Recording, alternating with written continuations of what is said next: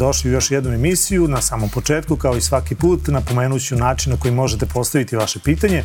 Tu je Viber broj telefona 069-893-0023. Pišite na X, X, Instagram i Facebook mrežu Pitajte Đuru ili vaše pitanja šaljite na e-mail adresu pitajteđuru.nova.rs.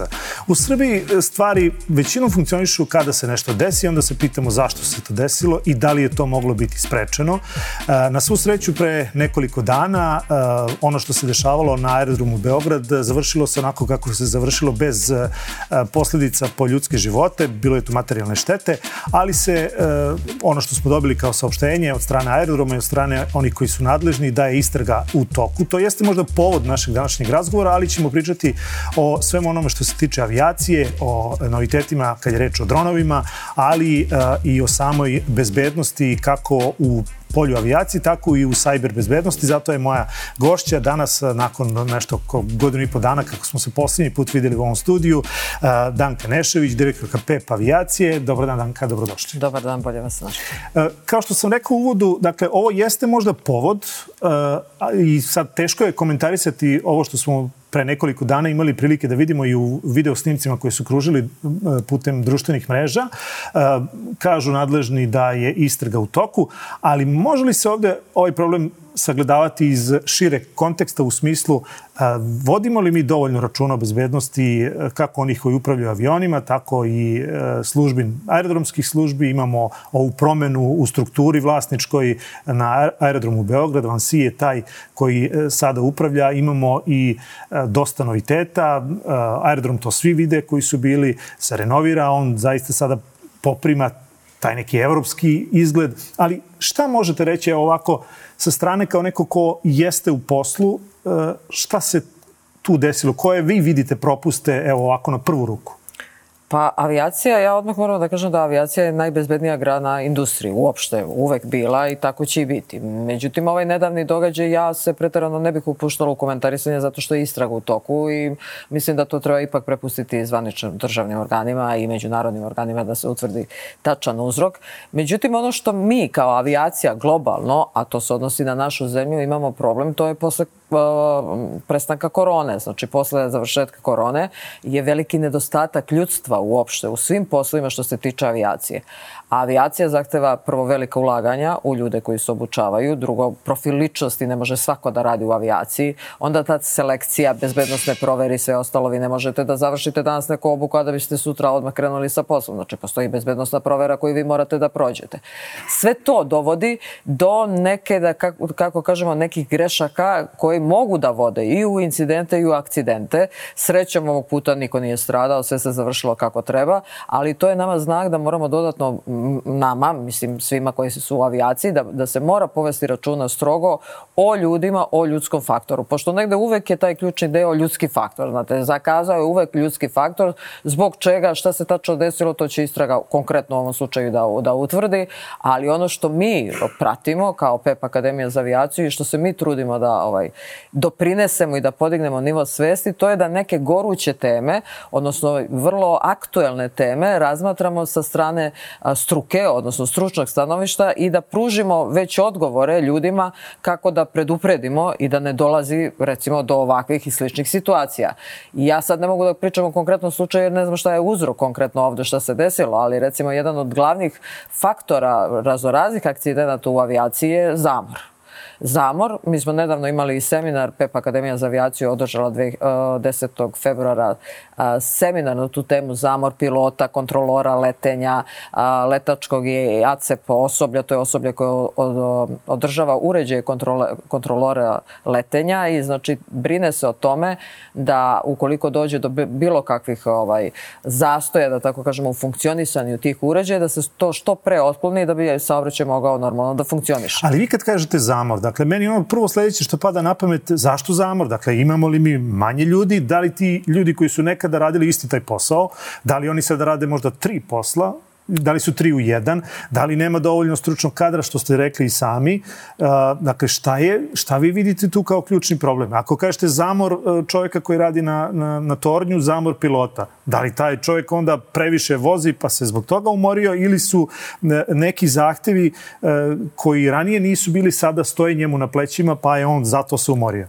Pa znate šta, postoji tu mnogo faktora. Recimo, mi kad smo krenuli sa tom temom PEP Akademija za aviaciju, kada je počela 2018. smo isto tretirali zamor, a to je taj kumulativni umor, gde vi ne stignete adekvatno i kvalitetno da se odmorite pre početka sledeće smene.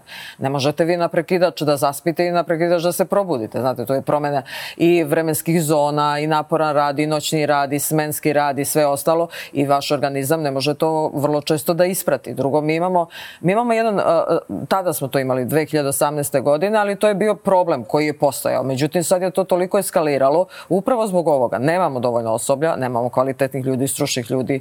Ljudi se, o, da ne kažem, opterećuju nekim drugim stvarima što ne bi trebalo da se opterećuju. Onda imamo tehnologiju koja je previše napredovala, pa vi sad morate da pratite i razvoj nove tehnologije, pored svih onih poslova koje ste ranije radili kao pilot, sad imate i praćenje novih tehnologija.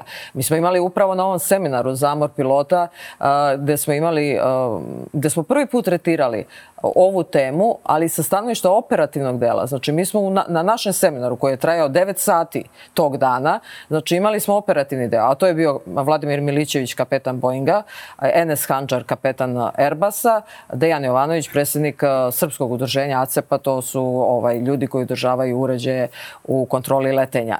To je jedan deo bio predavanja i izlaganja, a drugi deo se bavio upravo, znači oni su pričali konkretno šta su njihovi problemi. I šta kažu? Pa kažu, eto, da su preopterećeni, da vi imate recimo redovne... Ko ih preopterećuje? Pa o, preopteretih uglavnom... Poslodavac? Da. I to su uglavnom, pazite, mi tu imamo diskrepancu veliku između ljudi koji prave rostere, prave a, plane, planove letenja i smenskog rada i ljudi koji te poslove obavljaju. Ne može neko iz kancelarije samo da određuje raspored rada, a da nema direktan uvid kakvi ti poslovi izgledaju i šta je ono što muči ljude. Znate, mi smo o, ovog puta sa stanovišta drugih stručnjaka, tu je bio a, dr. Nenad Bačević, specijalista vazduhoplovne medicine i profesor dr.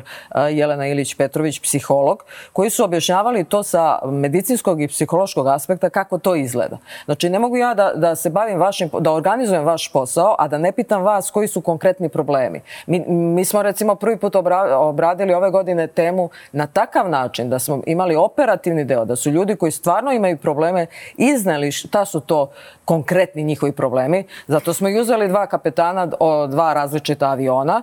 Jedan je Boeing, a Boeing ima tendenciju uvek da pilotu da što više informacija i da pilot, odnosno čovek, kapetan, bude taj koji će da donese odluku u ključnom momentu.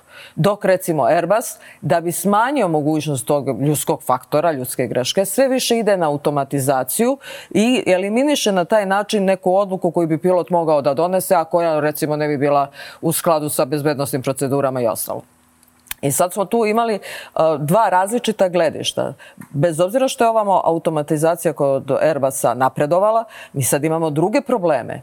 Kao kad imate GPS. Da li GPS vas uvek odvede na pravo mesto ili skrene na neko pogrešno? Pa zavisi, završite negde u šumi ili završite negde gde nema puta više ili je ulica jednosmerna. Šta treba pratiti? Da li treba slepo slušati mašine i automatizaciju ili ipak treba slušati da čovek na osnovu svog o, znanja, iskustva donosi neke svoje odluke. Znači imali smo i tu temu o, ovaj, razmatranja tokom tog fatiga. Onda imate, recimo, kažem, to HR menadžeri, menadžeri uopšte donose odluke, prave rasporede, ne konsultujući pilote. Vi imate ljude kojima više odgovara, recimo, jutarnji let, a imate ljude kojima više odgovara večernji let. Ali kad ja vas slušam, dakle, meni je to jasno, recimo, da, da, da HR menadžer ili ti ljudi koji, kao vi kažete, roster, da, tako da, da, rekli, planove koji letenja. to, planove letenja, koji to određuju, da, su, da se tu radi o nekoj drugoj delatnosti. Ali mi ovde pričamo o jednoj delatnosti e, gde su stotine e, ljudi, e, osoba koji su u tom avionu ugroženi ukoliko taj jedan čovek pogreši. Naravno. Dakle, da li je moguće da mi nemamo zakonsku regulativu kao što je recimo kod vozača kamiona gde vi imate određen broj sati kojem smete da vozite, a onda posle toga morate određen broj sati da se odmarate. Dakle, kako tu taj neki koji pravi plan može biti stariji od, od pravila ako ono postoji e, u zakonu? Znate kako, zakonski je to sve jako lepo regulisano i u zakonu postoji tačno koji je vla, vaš flight time, a koji je vaš duty time, znači koje je vreme vašeg aktivnog letenja kada vi morate da ste na poslu, ali imate i ono stand-by uh, dane kad ste vi u obavezi da dežurate, pa je pitanje kada će kompanija vas da pozove. Imate promenu plana. E sad je to problem. Vi svakog meseca treba da planirate letove za već sledeći mesec i to sve aviokompanije rade. Naravno, ti uh, planovi letenja su podložni promenama i to se vrlo često i menja u zavisnosti od situacije. Ali u, od, od sposobnosti aviokompanije i njenih stručnih ljudi zavisi, od to, do, zavisi da li će taj plan letenja za naredni mesec da se menja svakog dana i svakog dana imate neke promene gde vi niste ni predvideli, ni osposobili se, ni odmorili za bilo šta ili ćete imati lepo raspored rada kad treba da radite, pa ukoliko dođe do neke izmene lako ćete ovaj primeniti. Jer to je strogo regulisana grana privrede. Znate, tu se ne planira ništa ad hoc to, to mora da imate...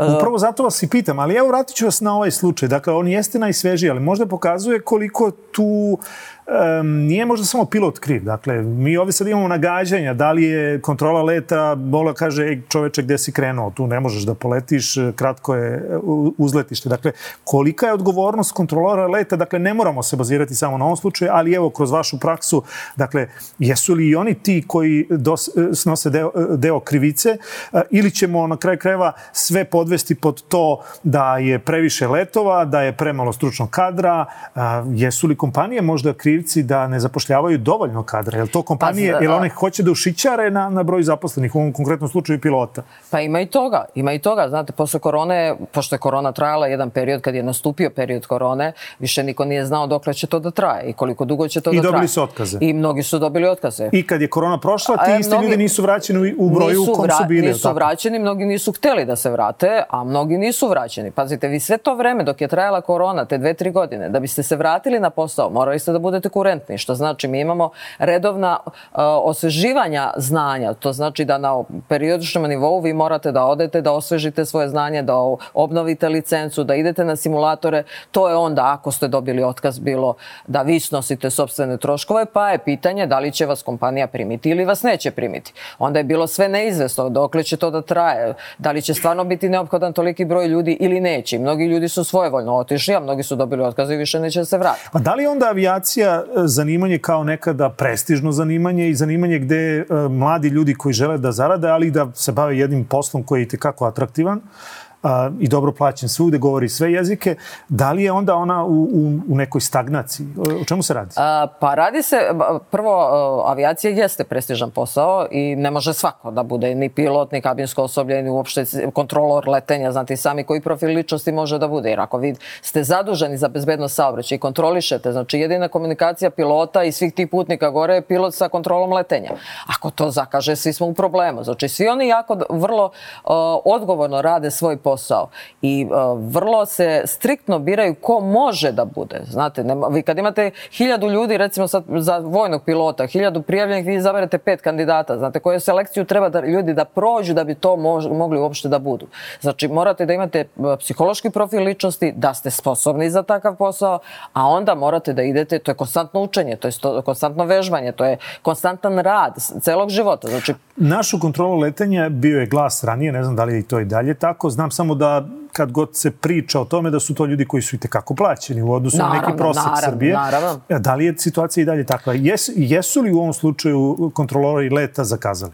A, pa ja ne bih mogla da kažem ništa za kontrolore letenja u ovom slučaju. Ono koliko imamo informacije to su da su kontrolori letenja obaveštavali pilota o situaciji da ne može ta pista da je previše kratka da ide na drugu pistu, da se to nije ispoštovalo zbog čega sad to će istraga utvrditi. Znači kontrolor vama pruža informacije šta treba da uradite. Ali vi ste ti koji donosite odluku da li hoćete ili nećete. Recimo, pilot, kapetan aviona kao kapetan broda ima pravo da vas udalji iz aviona, bez obzira što ste vi kupili kartu sve redovno. Isto tako kapetan broda ima pravo da vas ne primi kao putnika na brod. To su jedina dva diskreciona prava i jedina dva zanimanja gde može apsolutno da vas udalje.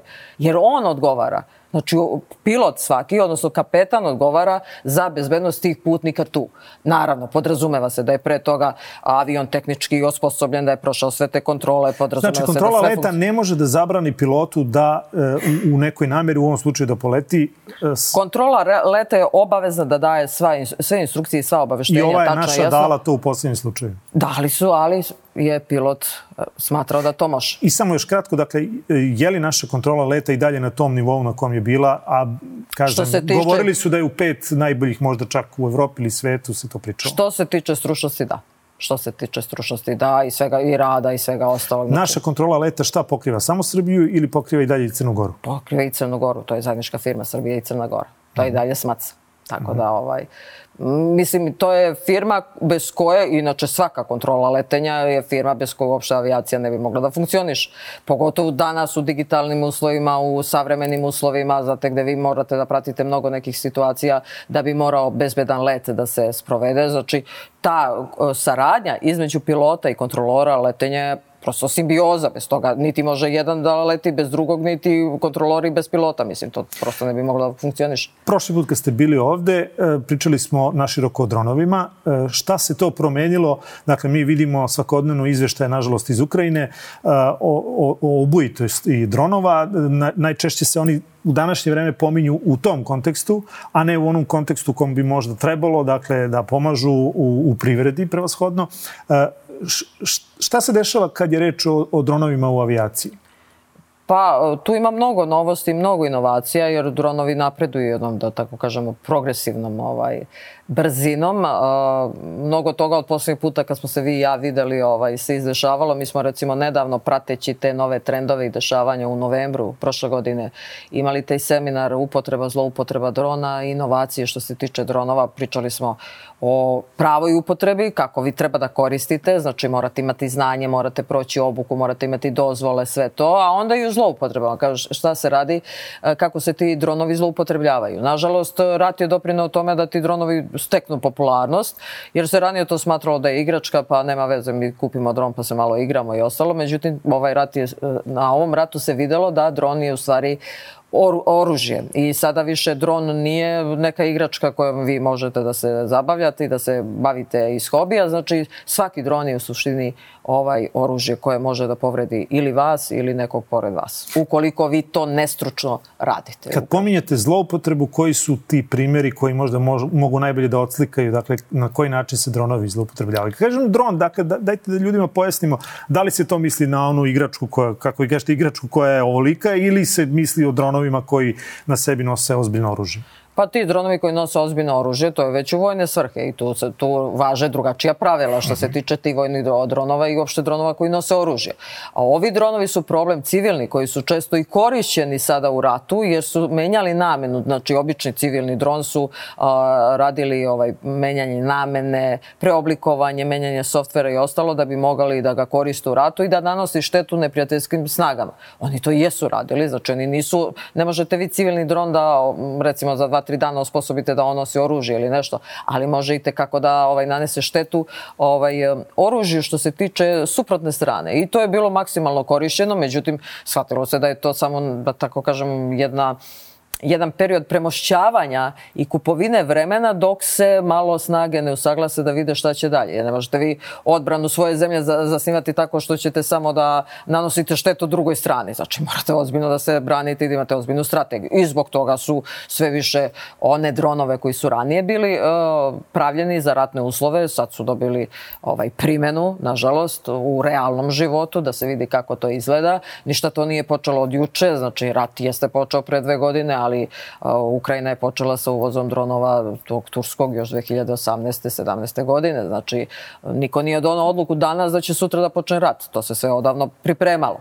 E sada, manifestacija tog rata i oružja koje se koriste, to mi sada vidimo, nažalost. E, koliko je bitna obuka pri, pri e, vožnji tih dronova? Dakle, ko to, vi to radite, ali tako? Mi, mi radimo, znači PEP Akademija za, za avijaciju je jedina akademija u Srbiji i jugoistočnoj Evropi koja se bavi obukama za pilota drona u skladu sa ASA propisima. Znači, 2000, u decembru 2020. godine ASA, to je Evropska agencija za bezbednost vazdušnog saobraćaja koja donosi kompletnu regulativu po pitanju Evrope, je donela zakon po kome vi da biste dobili dozvolu da upravljate dronom, morate prethodno da prođete obuku.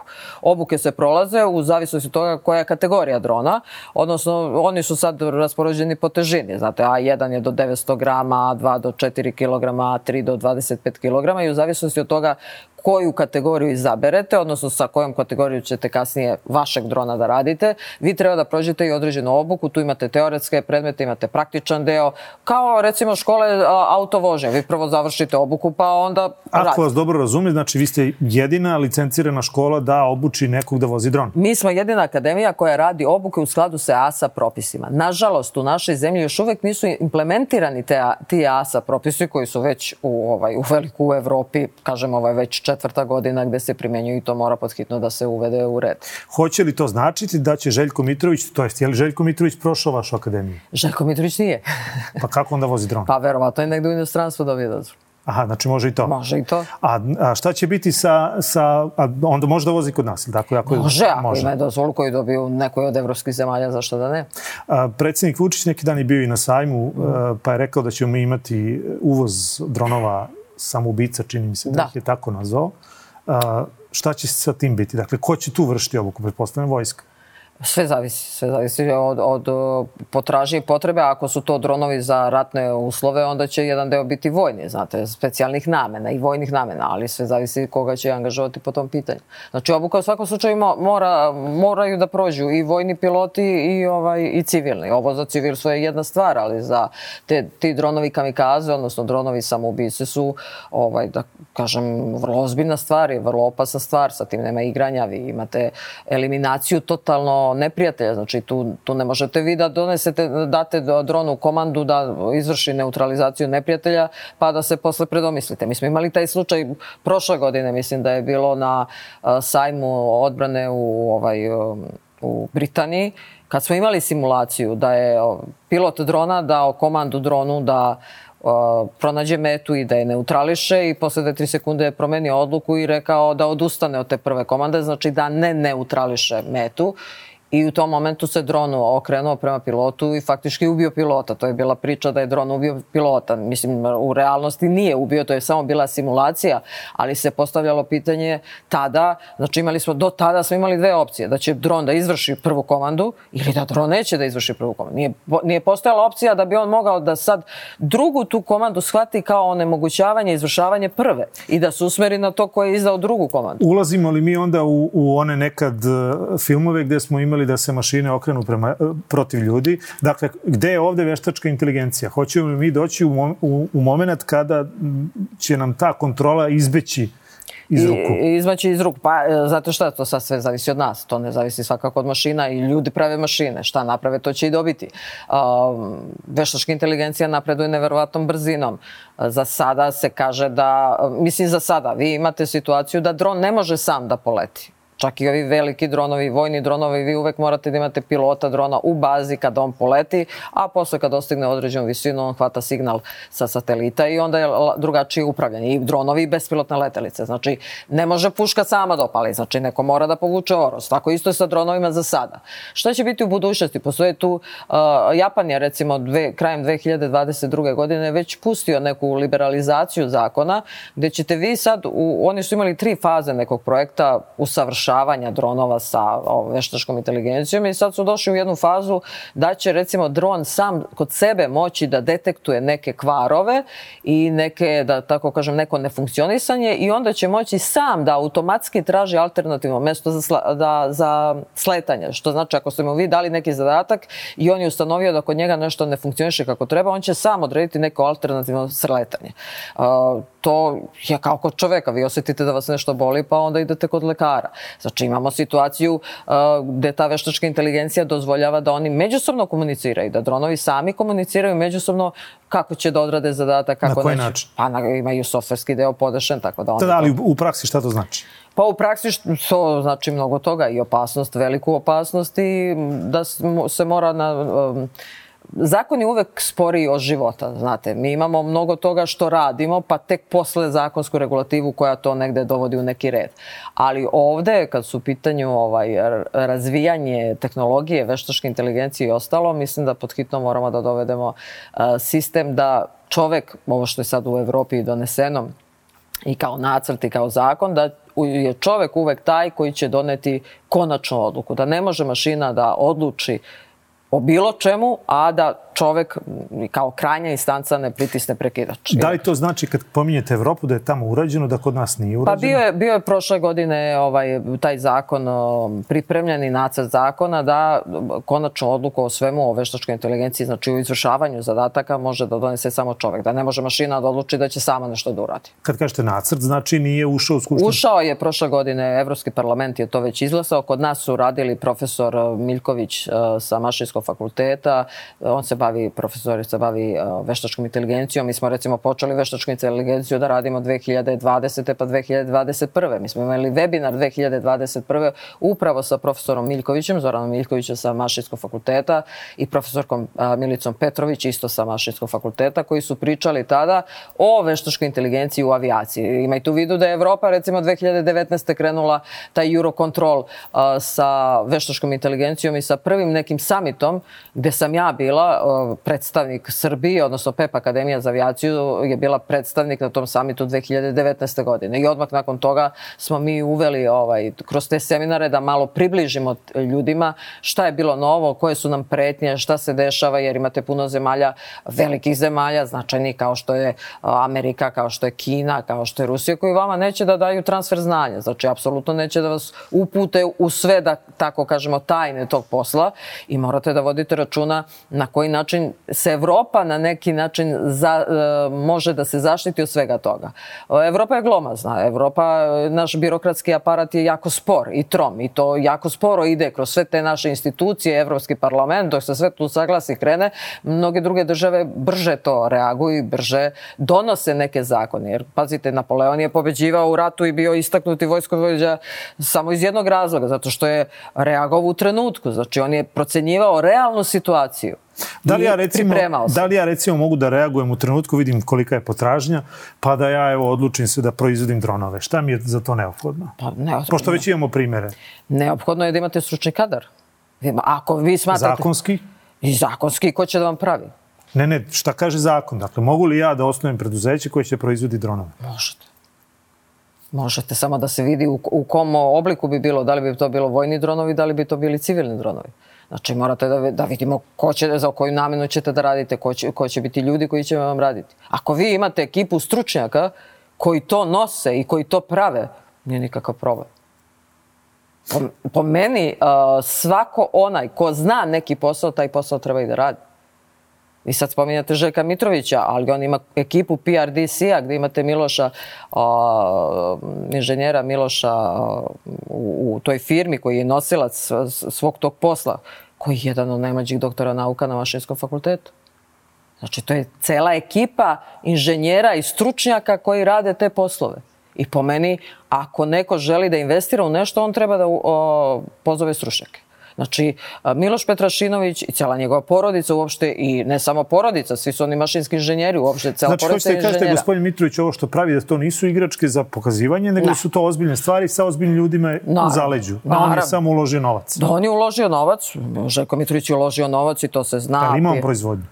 Pa sad biste to morali njega da pitate. Da, mislim, prosto to ste da, da, pa ima, rekao. naravno, ima proizvodnju, tu su angažovani stvarno kvalitetni stručnjaci. Domaću os... proizvodnju. Domaću proizvodnju, domaću, pa sve se radi kod nas, znate. I do, nosilac je upravo uh, profesor Petrašinović, Miloš Petrašinović, cijela njegova porodica i druge, drugi inženjeri koji su angažovani za taj rad. I to je stvarno jedna stručna ekipa. Vi rekao ste malo pre da obučavate civilne pilote dronova. Da, mi obučavamo, mi radimo obuku za uh, upravljanje dronovima. Ali to znači da i vojska može da dođe kod vas? Može, jer imaju specijalne obuke koje se tiču samo vojske. Gde je naša vojska u toj priči? Dakle, imamo li mi dronove sada? Mi imamo neku proizvodnju dro, uh, dronova, to je Vrabac i Miloš koji mi proizvodimo. Imamo i dronove koje smo uvezli. Uh, po meni treba da se više baziramo na proizvodnju sobstvenih dronova i na sobstveni kadar, da tako kažem, stručnjake koji će to ovaj, nadograđivati već postojeće dronove, koristiti neku novu tehnologiju. Mislim da imamo dobar potencijal što se toga tiče jer imamo jako kvalitete stručnjake i šteta bi bilo da se ovaj ti ljudi ne angažuju i ne daju to e, svoj doprinos. To je upravo prepoznao Željko Mitrović. Znači, on je angažovao stručnjaka, ne pravi Željko dronove. Prave njegovi stručnjaci, ali on je čovjek koji je investirao. Ali za svaka, svaki taj poduhvat vi morate da imate investicije. Znači morate da investirate u nešto što želite da vam sutra a, da vam se vrati kako treba. Što se tiče odbrane, znači tu država mora da investira.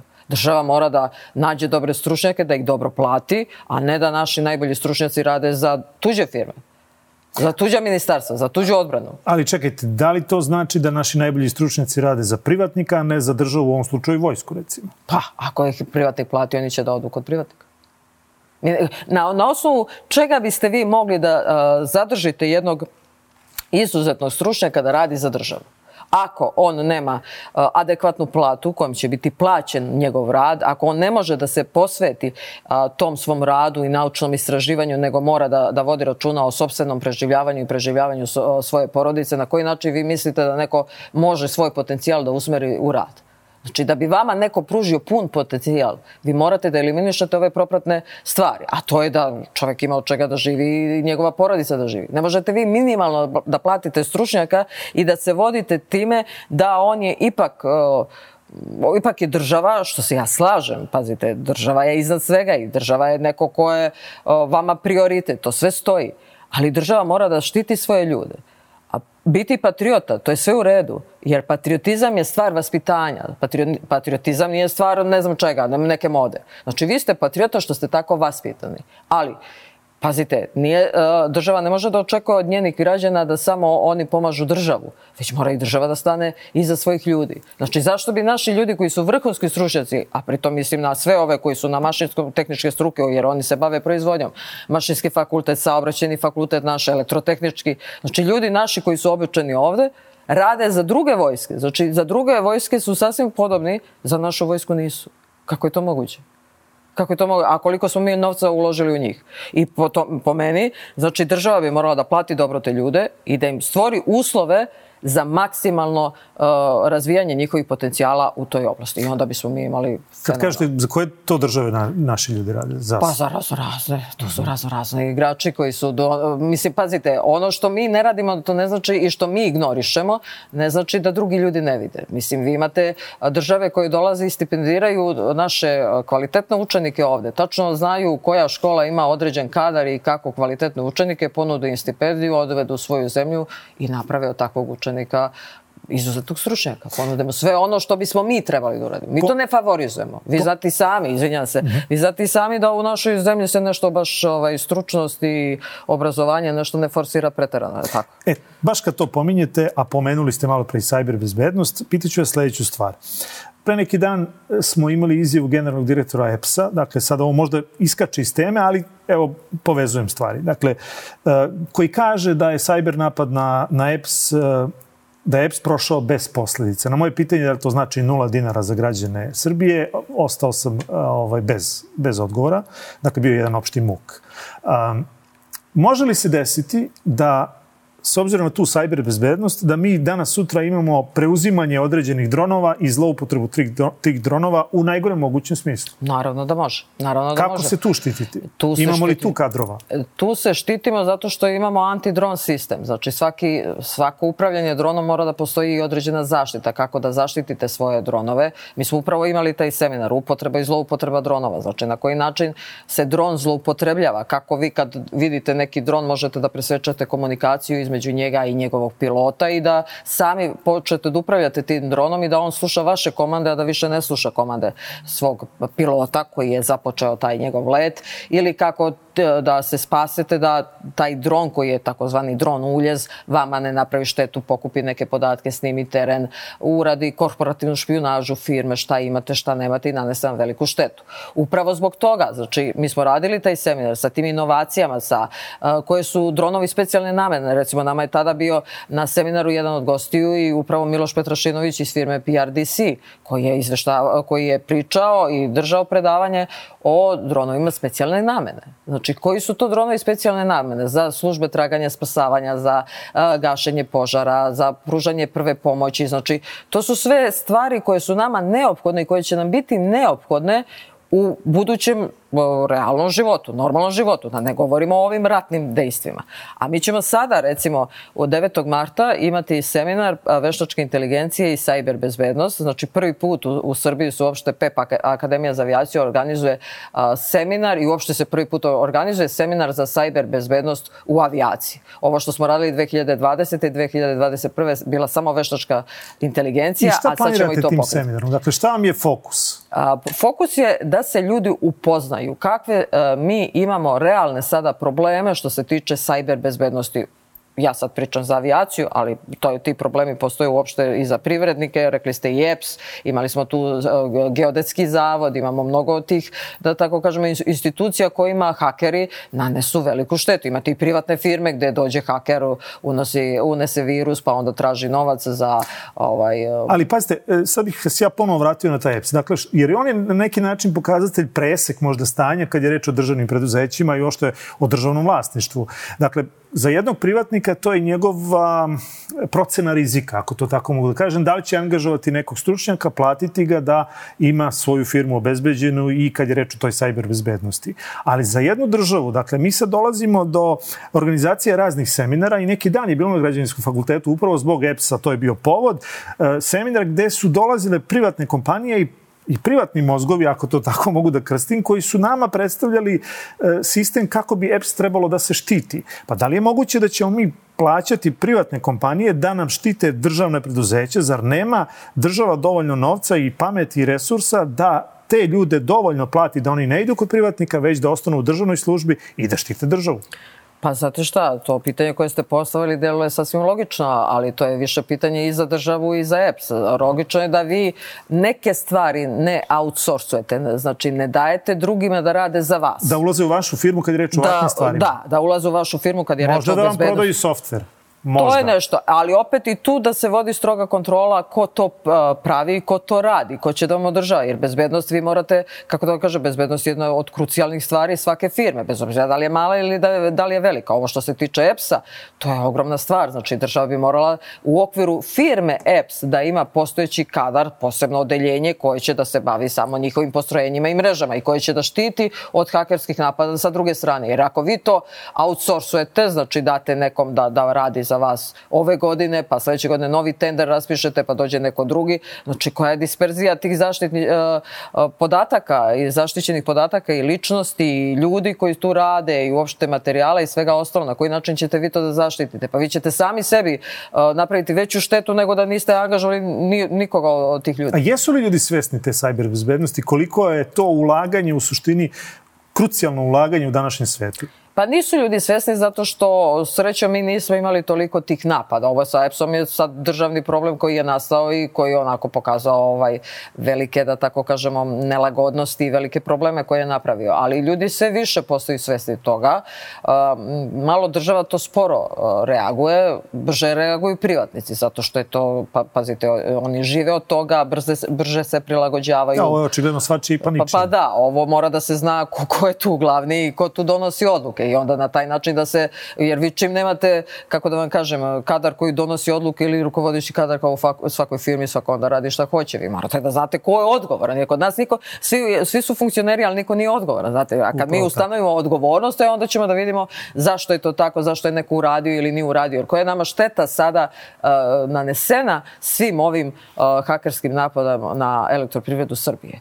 Što se tiče avijacije, to bi već bilo katastrofalno, zato što tu uh, cyber bezbednost mora vrlo brzo i vrlo dobro da reaguje zbog kontrole letenja, zbog aviokompanija. Zamislite da vam neko uđe u ovaj uređaj kontrole letenja i da promeni rute, promeni frekvencije. to desilo gore, e, Za sada nemamo takve drastične podatke ovaj, o svemu tome, tako da imamo podatke recimo dole Agencije za civilno vazduhoplovstvo iz Crne Gore gde se pojavio ovaj sajt neke kladionice na njihovom sajtu da tako kažemo, to je benigno u odnosu na ono što bi moglo da se desi da stvarno imamo hakerske napade ozbiljne na sistem avijacije, na avione, na kontrolu letenja, aviokompanije kad vi izgubite totalno pregled šta se dešava, ti avioni koji su na nebu, kako da slete. Mislim, kontrola letenja je prilično obezbeđena od svega toga. Imaju, ako se desi neki običan kvar, sisteme alternativnog rešavanja već postojećeg saobraćaja. Znači, tu postoje, to, to je, da, kako kažem, kao što sam malo pre rekla, najbezbednija grana uopšte privrede. Znači, tu je sve preterano regulisano. Tu imate sjase tih procedura i protokola koje morate da uradite da bi nešto bilo bezbedno. Ali ovo je sad nešto novo gde postoji velika šansa da dođe do velikih um, problema. Vi imamo sada dronove koji su sastavni deo našeg saobraćaja, avio saobraćaja, redovnih komercijalnih letova. Mi smo recimo na tom seminaru prvi put razmatrali tada uh, kako dronovi utiču na redovni komercijalni saobraćaj. Pa smo imali zastoj u, u letenju kad je dron sleteo na aerodrom, Heathrow, to je bilo u Londonu, pa koja je ošteta onda koje aerodrom i aviokompanije treba da plate putnicima koji nisu otišli tog dana, pa su morali da čekaju, pa šta se sve izdešavalo. Iako mi imamo bezbednost, odnosno regulativno, uh, zabranjeno da uopšte dron može da priđe aerodromu u nekoj, od neke referentne tačke nekih 5 km. Znači, to je zabranjena zona za dronove, ali tada je došao. I, mislim, sad sve više se to uh, prave restrikcije. Vi imate dronove koji sad imaju ugrađeni u sebe, uh, u sebi taj no fence uh, softver, da tako kažem, da oni prepoznaju zabranjene zone gde, gde ne mogu da, da lete. To je već integrisano u okviru njih i oni tačno znaju kojim ovaj, maršrutama mogu da idu, a gde ne mogu. Imate te virtualne, da tako kažemo, mreže koje štite strateške objekte gde vi ne može dron da dođe i da hoće da dođe, da do, priđe tim objektima. Ali za to su potrebne sve velika ulaganja za strateške o, o dronove i za strateške uh, da, objekte u zemlji mora država da stane, za aerodrom mora država da stane, znači aerodrom mora da bude obezbeđen od strane države da ne smeju dronovi da prilaze aerodrom. Pričam i za naš, pričam i za svetske aerodrome gde smo imali te probleme. Imate sad dronove, ranije ste vi imali dron koji lako uhvatite, vi sad imate drona ako vidi preprekom pobegne, on je, on tačno, e, jer su to pametni dronovi, sad je tehnologija sve pametnija. Znate. E sad, ako ljude interesuje ova pametna tehnologija, veštačka inteligencija, sajber bezbednost, još jednom samo da ponovimo 9. mart. 9. mart, PEP Akademija za avijaciju, Hotel Srbija, bit će organizovan znači, seminar na temu veštačke inteligencije i sajber bezbednost u avijaciji. Prvi put. Danka, hvala vam puno na izdanom vremenu i na ovim informacijama. Nadam se da, da je e, ovo što smo pričali da će na neki način da, da bar podstakne budnost da koliko je bitna ova sajber bezbednost i uopšte ulaganje u ovo polje. Hvala vama na pozivu. Ja se nadam iskreno da će da se podigne malo ovaj svest o svemu tome. Hvala još jednom. Moja gošća je bila Danka Nešović, direktorka PEP avijacije Akademije za avijaciju, a broj telefona otvoren za uh, vaše pitanje 069 893 0023. Pišite na Instagram, uh, Twitter i Facebook mrežu Pitajte Đuru ili vaše pitanje šaljite na e-mail adresu pitajteđuro.nova.rs.